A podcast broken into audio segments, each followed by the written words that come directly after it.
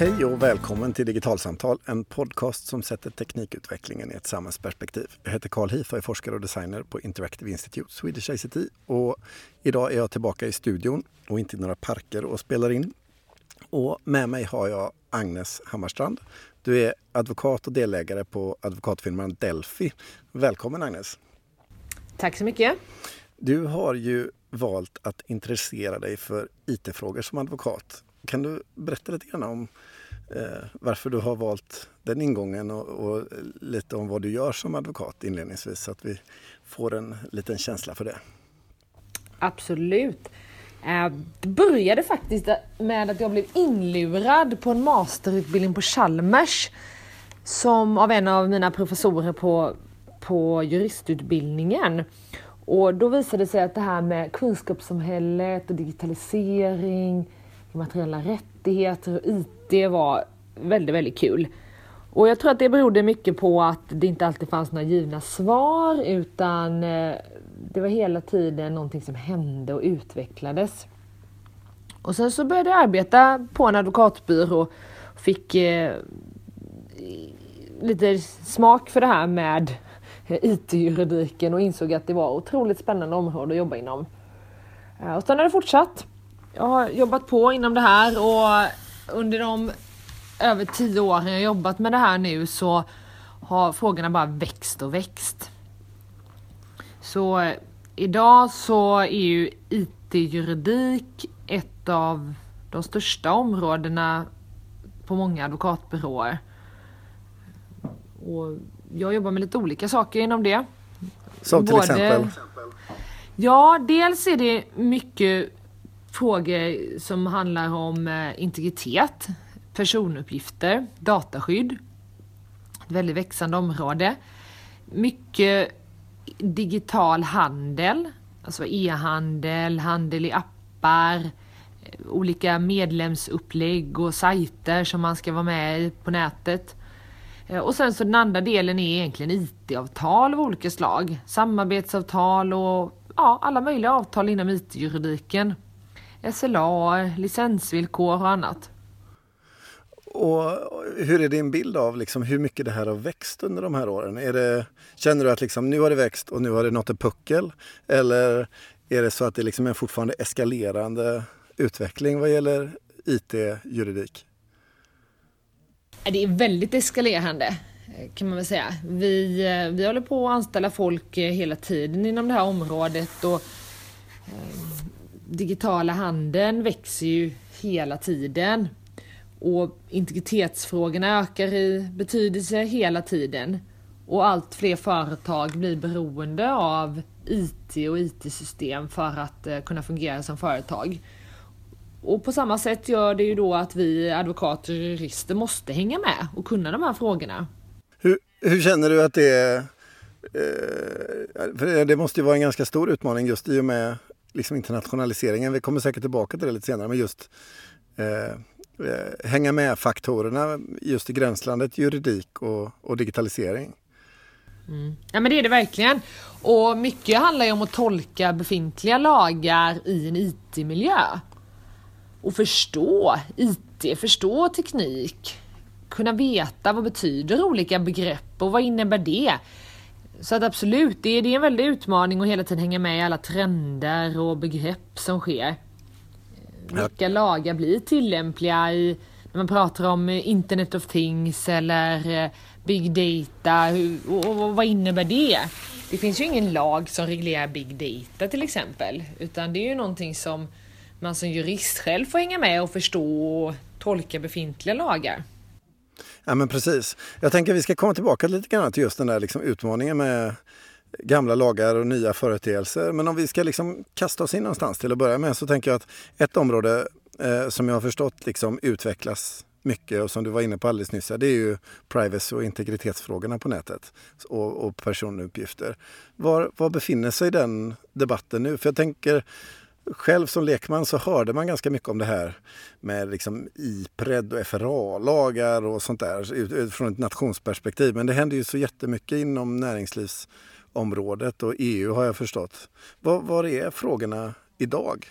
Ja, just nu är frågorna just kring personuppgifter då, privacy och dataskydd, de är helt aktuella. Vi har precis fått en nyantagen förordning om dataskydd. Och det är en helt ny EU-lagstiftning som kommer ersätta nuvarande personuppgiftslagen, PUL som den kallas. Och den har ju några år på nacken. Den har några år på nacken, precis. Och nu är det dags för ny lagstiftning och det kommer vara en direkt gällande lag som ska gälla i alla EU-länder på lika villkor. Och, och vad, vad, innebär detta då? För oss som har hängt med under PUL-tiden, är det liksom något nytt eller kan man, är det business as usual? Nej, det innebär väldigt stora förändringar. Visserligen så är ganska många principer eh, liknande. Har man fullt PUL hittills så har man kommit väldigt långt för att följa den nya lagen. Men det innebär också en hel del nyheter. Det som också är nytt är att på hela det här nya lagstiftningspaketet så sätter man eh, en risk för administrativa böter som är helt ny, helt unik i svensk bemärkelse. Du kan som företag riskera att få böter upp till 4% av koncernomsättningen globalt. Om man bryter mot reglerna. Det är en rätt kraftig böter alltså? Ja, det är det absolut. Och det här är en jättestor förändring. I Sverige så är det väldigt många företag och andra organisationer som inte har brytt sig om PUL överhuvudtaget. Många företag som bryter mot nuvarande lag. Och nu ska man då helt plötsligt följa en, en kanske ännu mer omfattande lagstiftning eh, som lanseras nu i EU då. Och vad är de stora dragen i den här nya lagstiftningen? Om man är företag och liksom inte alls har hängt med i det här. Vad, vad innebär det för en konkret för att man inte ska råka på den här feta böten? Ja, till att börja med så är det så att lagen kommer gälla först från och med 25 maj om två år. Så att lagen är antagen och det är klart hur den kommer se ut och allting men den träder inte i kraft förrän om två år, knappt två år. Så man har lite tid på sig att fixa Ja, man till. har lite tid på sig att implementera lagen och det är ju tur det därför att det är ganska stora förändringar. Eh, lagen eh, bestämmer bland annat när får man hantera personuppgifter? För vilka ändamål får man göra det? Och personuppgifter då ska man komma ihåg att det är ju allting som på något sätt kan kopplas tillbaka till en individ. Det kan ju vara till exempel en IP-adress, det kan vara eh, en e-mailadress, även i ett business to business förhållande om man säljer till företag. Det kan vara ett registreringsnummer till en bil som går att koppla tillbaka till en individ på något sätt. Så lagen är, har ju ett väldigt, väldigt brett tillämpningsområde. Och förutom då att man bara får behandla personuppgifter, alltså ha register eller göra någonting med personuppgifter för vissa angivna ändamål. Och, och lyckas man inte uppnå dem, då behöver man samtycke då från den som är registrerad. Om, om det, man inte har sånt där legitimt skäl. Men förutom det så finns det också massa andra regler man måste följa. Till exempel att man inte får hantera uppgifter längre tid än nödvändigt. Man måste informera dem, registrera dem hur man hanterar deras uppgifter. Man måste ha olika rutiner på plats om eh, vad man ska göra om en registrerad begär att få bli borttagen eller begär att få information eh, rättad eller raderad. Och så massa, massa andra nyheter också. Det är, en, det är en väldigt omfattande lagstiftning. Så vad man kan säga det är ju att eh, det här påverkar ju liksom hur man bygger IT-system. Om man har till exempel en, eh, ett företag som säljer digitala tjänster eller motsvarande. Så, så, så innebär det att man måste ta alla de här nya lagstiftningarna i beaktan. Absolut. Eh, och det står faktiskt till och med uttryckligen i lagen. Den, det finns någonting som kallas privacy by design eller inbyggt dataskydd. Det är nu mer reglerat i lag och innebär just det att när man bygger eller upphandlar IT-system då måste man ta hänsyn till privacyfrågorna. Bygga in integritetsskydd från början. Och då gissar jag att det här påverkar ju också eh, kraven för alla de som bygger IT-system åt företag som har de här eh, ska tillhandahålla alla de här nya tjänsterna och så vidare. Att, att man behöver ju veta hur man bygger utifrån den nya lagstiftningen. Exakt. Så det här är en väldigt stor förändring faktiskt. Eh, eh, man måste börja tänka på det här på ett helt nytt sätt och ja, ta hänsyn till att eh, systemen har rutiner, funktioner för att inte hantera mer personuppgifter än nödvändigt. Funktioner för att radera uppgifter. Funktioner för behörighetsstyrning, auktorisation, säkerhetskrav, ja, massa olika saker. Så vad är din liksom, magkänsla eh, där vi befinner oss nu om två år? Hur tror du svenska företag kommer vara rustade för att hantera det här? Eh, och, och hur, eh, hur, hur kommer vi kunna tillämpa lagen om två år? Ja, det var en spännande fråga. Eh, ska jag vara helt ärlig så tror jag inte att alla företag kommer följa lagen fullt ut om två år. Eftersom många ligger så dåligt till idag. Man har inte organisation för att göra det. Det här handlar om att man behöver anställa personer som jobbar med de här frågorna. Och man behöver ta in konsulter kanske som hjälper en med de här frågorna. Och det handlar inte om någon quick fix utan det är ju frågor som både eh, intresserar och behöver engagera olika yrkeskategorier. Det är inte så att man bara kan ta in en advokat eller en IT-säkerhetsexpert som löser det här utan det är ju, frågor både från ett juridiskt perspektiv, att man behöver uppdatera juridiska dokument och avtal och se till att behandlingen är laglig. Men det är också frågor som IT-avdelningen berörs av. Där man behöver säkerhetsexperter som tittar på hur sköter man den tekniska delen av dataskyddet. Och sen också en organisatorisk fråga. Hur informerar man anställda om hur de ska hantera personuppgifter? En utbildningsfråga. Så att svara på din fråga så tror jag nog tyvärr att eh, alla företag kommer nog inte hinna med. Men det är många som är på gång, det är det absolut. Jag, jag tänker att eh, det, ja, det är precis som du säger, en liksom ganska stor förändring och en annan del av samma förändring eh, som ju hänger ihop såklart eh, till delar med ny EU-lagstiftning. Det är ju internationaliseringen eh, som vi ser i våra IT-miljöer. Alltså, eh, när jag köper en app i App Store så kan ju företaget bakom den appen finnas var som helst. Eh, eller om jag köper produkter så tänker jag mig att vår eh, handel också internationaliseras i hög grad. Hur, hur eh, följer juridiken den här utvecklingen och, och eh, hur, hur, hur, ja, hur är läget där vad gäller just den digitala handeln och internationaliseringen? Ja, juridiken försöker hänga med men det har väl gått eh, väldigt sakta tycker jag personligen. Eh, det är ju fortfarande så att vi har nationella rättsordningar och olika lagar och regler i olika länder. Trots att eh, när jag som konsument köper eller laddar ner en app så har jag ju ingen aning vart den säljs ifrån. Likaså om jag handlar på nätet så kanske inte jag heller tar så stor hänsyn till vart egentligen mitt köp sker ifrån. Men det man har gjort eh, från EUs sida är att man har inlett ett jättestort arbete eh, som heter Digital Single Market. Eh, och syftet med det är att skapa en enda gemensam digital marknad inom EU.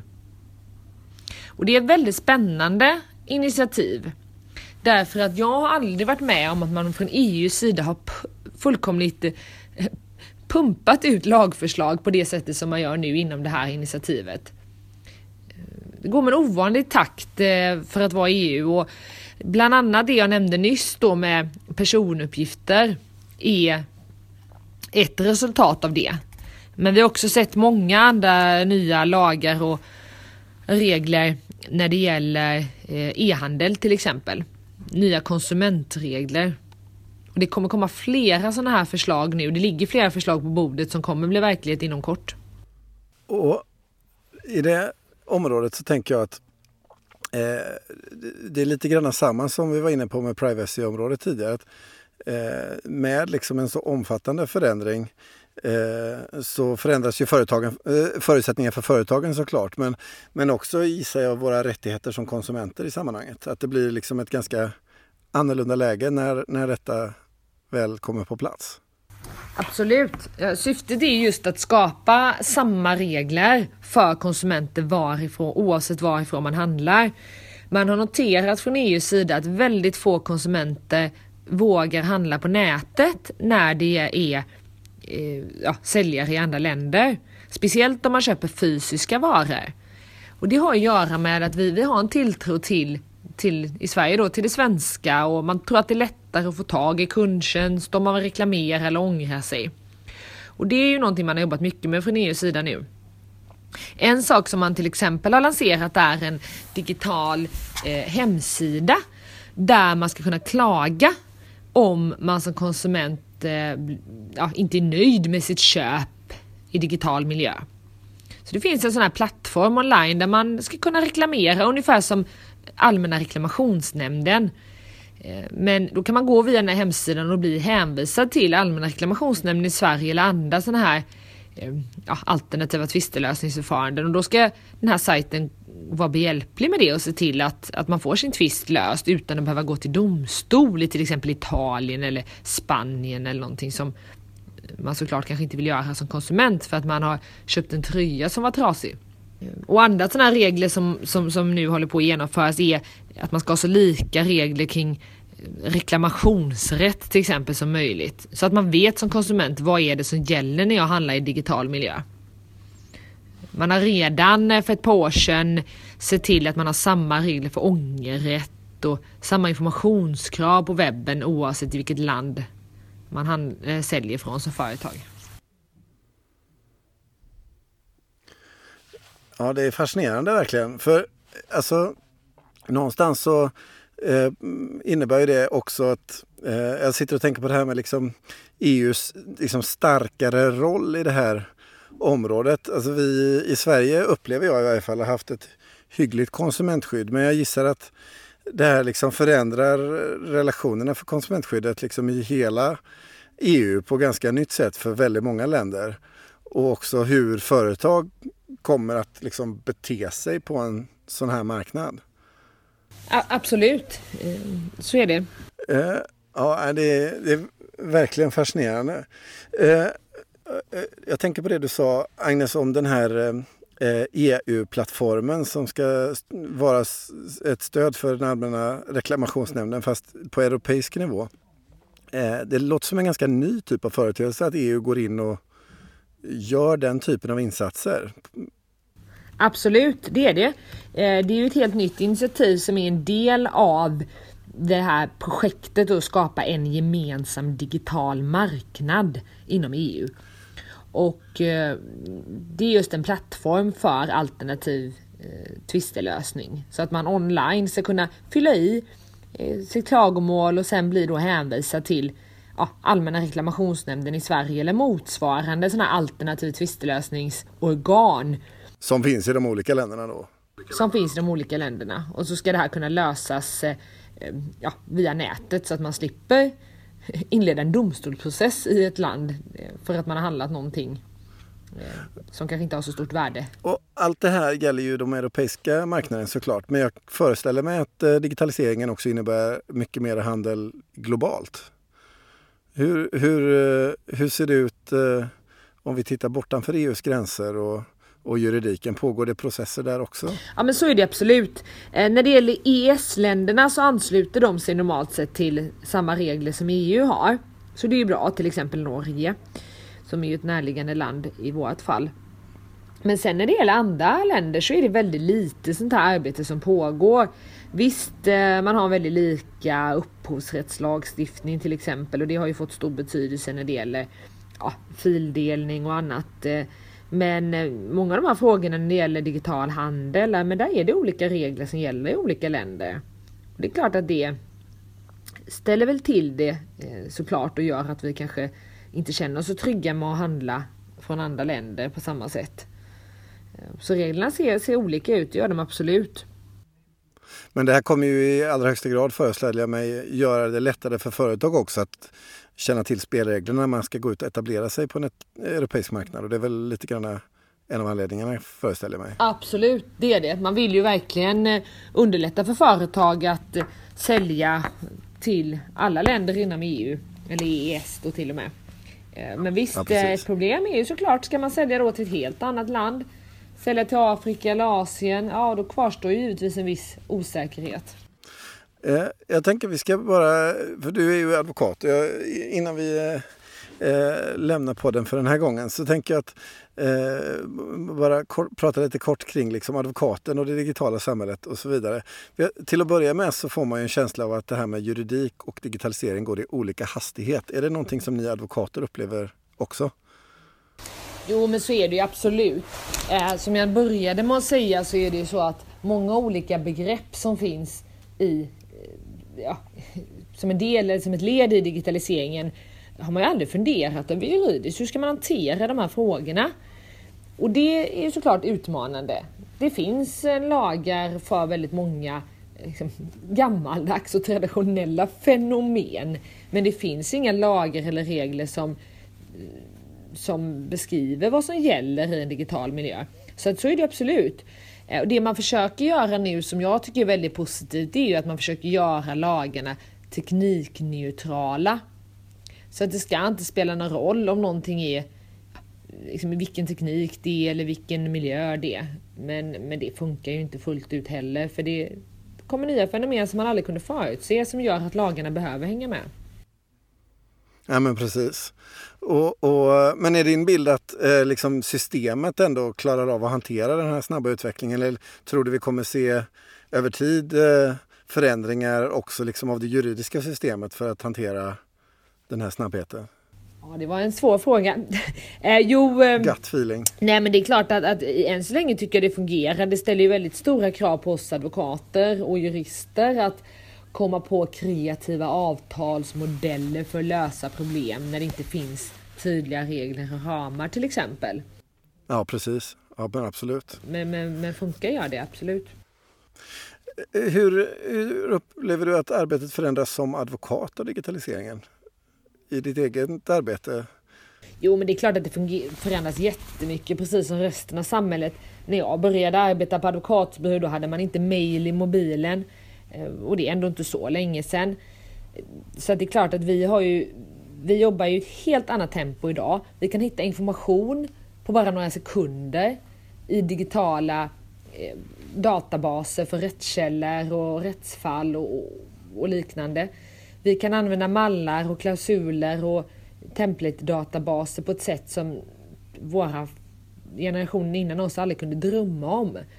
Eh, och det är ju, väldigt, det är ju på ett sätt väldigt positivt. Det gör ju att våra kunder, alltså företag som anlitar advokater får ju otroligt mycket mer för pengarna än de fick i den gamla skolan där en advokat skulle skriva ett brev och skriva ut det och skicka det med, med rekommenderat brev och sen skulle det komma fram och men det ställer ju också ett tempo, eh, krav på tempo i arbetslivet på ett sätt som jag tror alla känner av, som gäller ju även för oss advokater med att ständigt vara tillgänglig och Eh, snabb och, eh, och så.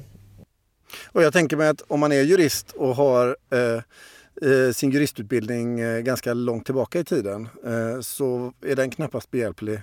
Utan det här är någonting som ni måste ta in i ert arbete löpande, precis som många av oss andra som så att säga, hamnar i närheten av digitalisering i vår vardagsarbete? Ja precis, alltså det beror lite på vad du pratar om. För dels har vi ju frågan om liksom, att hänga med i lagar och regler och sånt. Och där kan jag säga att jag tycker än idag så är juristutbildningen väldigt omodern. Alltså man läser om eh, ja, fastighetsrätt och arbetsrätt och andra frågor eh, jättemycket men man läser nästan ingenting om, om privacy eller IT-rätt på utbildningen idag. Så det är den ena delen. Den andra delen är ju såklart eh, liksom hur vi arbetar och så vidare och det är ju egentligen ingenting som man ändå lär sig på juristutbildningen skulle jag säga för det är en ganska teoretisk utbildning. Så att det där får man ju lära sig att hänga med. Eh, allt eftersom. Så hantverket är nytt men det behöver man ändå lära sig så att säga? Ja precis, så är det. Sen en annan eh, trend som vi ser det är ju att eh, kraven ökar från företagen när allting är digitaliserat. Standardklausuler, enkla sekretessavtal och liknande, det kan man hitta på nätet. Och då vill man inte heller betala särskilt mycket för, för den här lite mer simpla juridiken.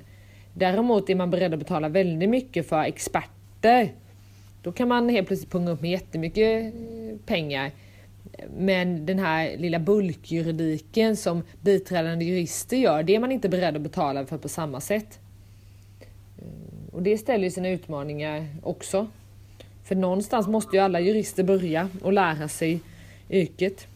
Det låter som att eh, både i de stora frågorna och de som ligger nära er så eh, förändras också era miljöer och digitaliseringen på, på, eh, på samma sätt eller på liknande sätt som, som eh, i många andra sammanhang. Fast där ni såklart ser det från, från era perspektiv. Men att eh, just privacy och integritetsfrågorna är så aktuella. Det är ju, tycker jag, intressant och, och viktigt såklart. För att någonstans så, så eh, i och med att de här lagarna träder i kraft med ett par år så, så är det inte särskilt lång tid för, för samhället att, att eh, ta in de här nya eh, förändringarna och faktiskt komma ikapp. Nej men så är det verkligen. Alla företag behöver ta tag i det här i princip omedelbart. I vart fall börja med att skapa medvetenhet nu de närmsta månaderna så att man kan budgetera för att jobba med de här frågorna under nästa år eh, på allvar. Det, så det är ont om tid. Ja, det blir eh, två spännande år att följa och se hur, hur det här kommer att gå till. Och sen givetvis när lagen har implementerats eh, se hur, hur, eh, hur den faller ut också. Absolut. Eh, Agnes, jättekul att ha dig i eh, digitalsamtal idag. Eh, vi kanske får eh, återkomma till dig när vi eh, har nytt inom det här området och se vad som händer längre fram. Eh, tack så jättemycket.